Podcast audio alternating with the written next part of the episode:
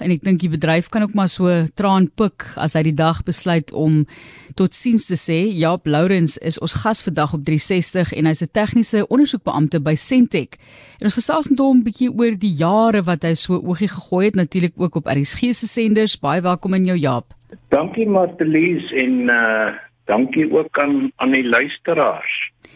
Jy kan nou vir ons die die tyd mooi uitwerk 1976 toe het jy jou liefde van ra vir radio begin vertel vir ons hoekom?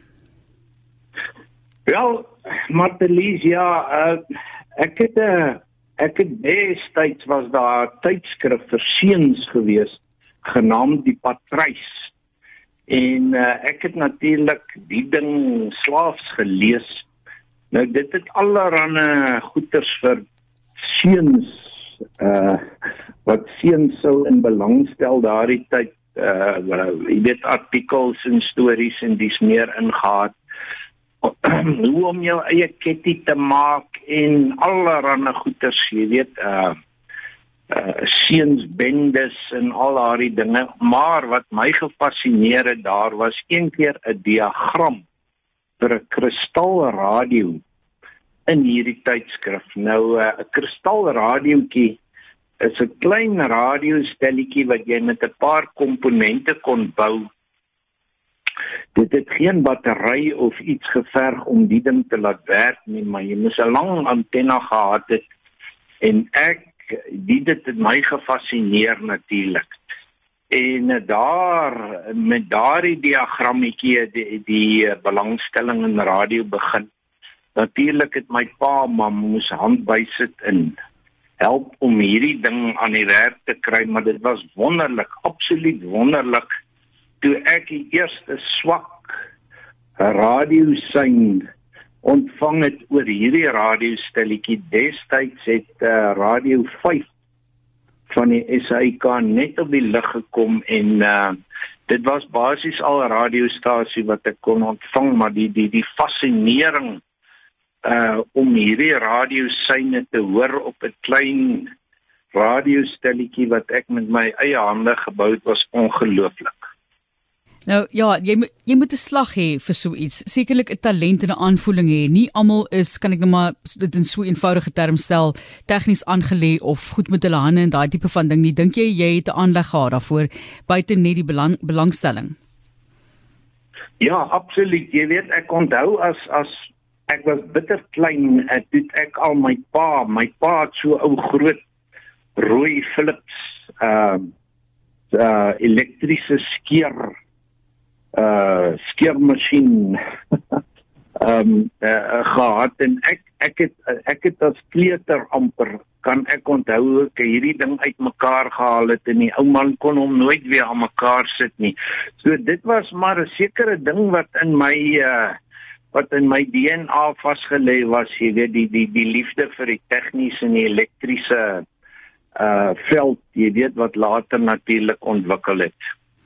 Kom ons gesels oor jou loopbaan en hoe jy daar toe nou beland het in die posisie waar jy vandag natuurlik is. Ons gaan nou 'n bietjie praat oor hoe die tegnologie oor die jare verander het, maar neem ons net hierdie stappe en die feit dat jy so ek ek ek, ek weet nie eintlik hoe om dit te verwoord nie want jy het so hard gewerk oor die jare Jaap om vir ons op hoogte van sake te hou om dadelik te spring as ons sê daar's opvangsprobleme om sake uit te sorteer. Dis nie net 'n tegniese ding nie, daar's baie bestuur daarbey betrokke, maar neem ons net so 'n bietjie deur jou loopbaan jou loopbaanpad.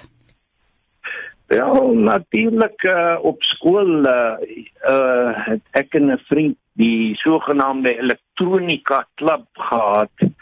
Uh en uh daarvandaan natuurlik na matriek het ek uh ek het in die infanterie beland, uh die die weermag natuurlik in diensplig en daar het ek uh my opleiding ontvang as 'n infanterie radiooperateur en uh, ek was operasioneel aangewend in die uh, grensoorlog waar ek moes uh uh toesien dat die my peloton tydens patrollies miskien baie keer ver in Angola moes ek voorsien dat daar radiokommunikasie met ons basis is En uh, van daar af het ek uh, my eerste werk was natuurlik in die, in die perswese gewees by 'n uh, oggendkoerant wat ek nie vreeslik geniet het nie, maar daarna en ek dink dit was rondom 1988 het ek by die SAIK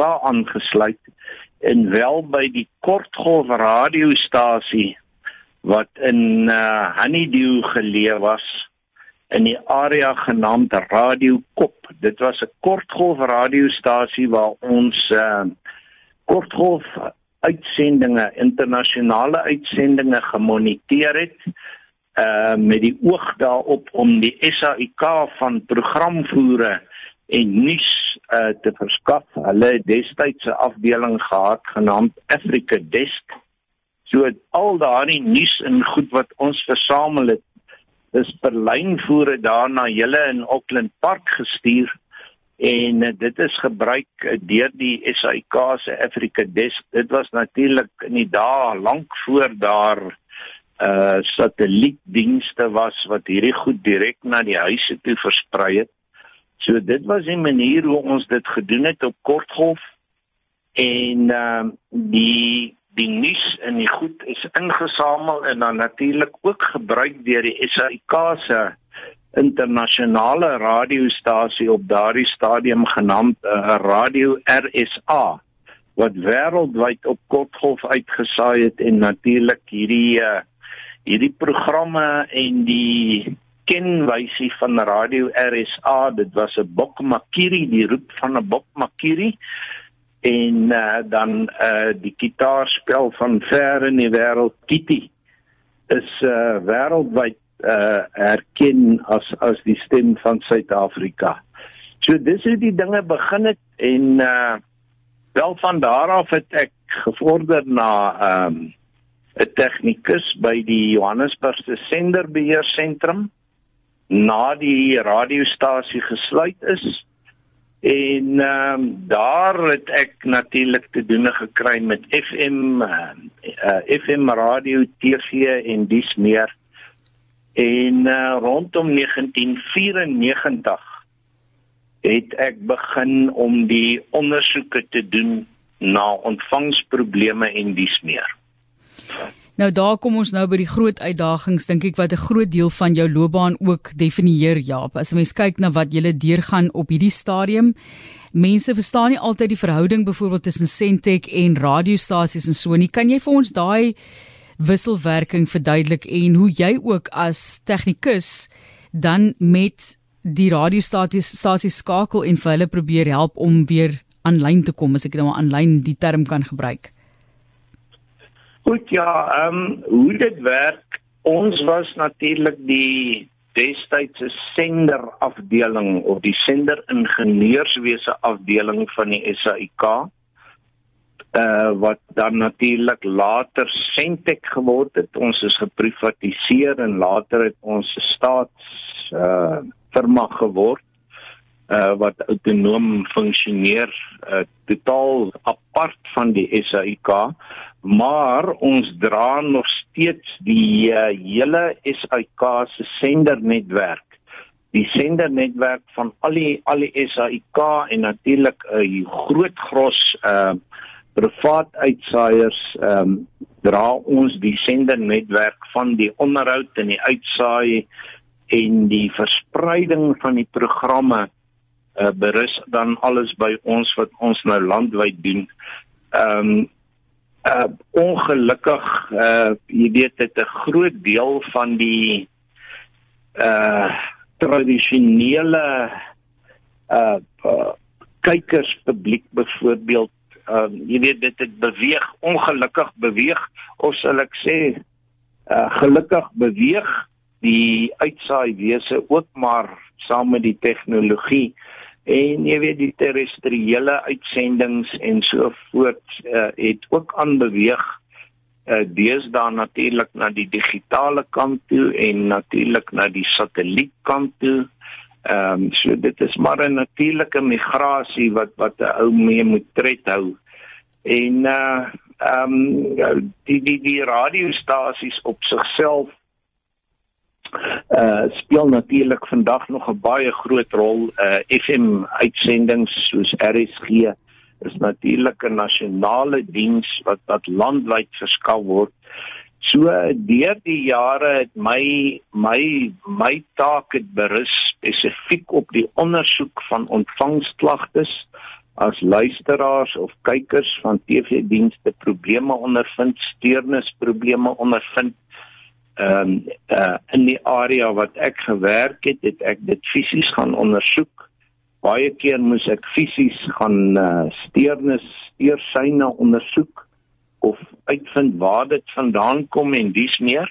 En dan natuurlik ook probleme in ons sendernetwerk, uh moes ek nagaan en so aan as ons probleme het met een van ons senders, moes ek dit verifieer en ek moes kyk dat die uh laat daar wel so 'n probleem teenwoordig is en dan is dit ek rapporteer aan ons senderbeheersentrum of ons uh, operasionele sentrums uh, ons verskillende areas uh, reg oor die land en hulle dan natuurlik die probleme aangespreek en uh, dan natuurlik gepoog om so gou as moontlik daardie probleme op te los.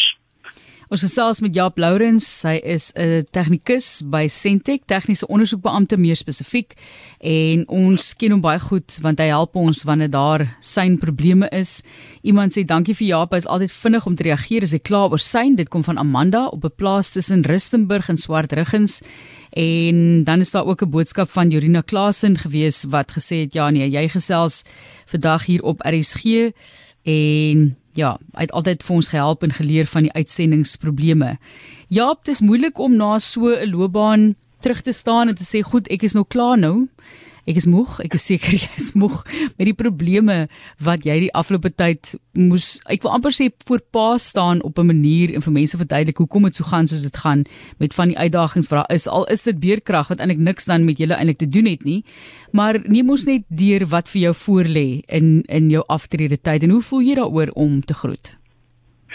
Martelies, ja, dit is 'n groot uh, dit is 'n groot beweging vir my uh 'n hele nuwe era lê vir my voor, maar ehm um, jy weet uh die radio uh die tegniese kant van radio is in my bloed.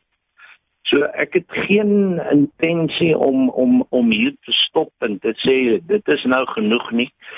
Ehm uh, jy weet ek ek deur die jare het ek maar meest al my my eie toerusting aangeskaf uit uit eie voorliefde en dit was 'n jare jarelange stokperdjie van my. En uh, ek het geen intensie om dit nou te stop nie. So ek ek voorsien dat ek in privaat hoedanigheid sal voortgaan met hierdie ondersoeke.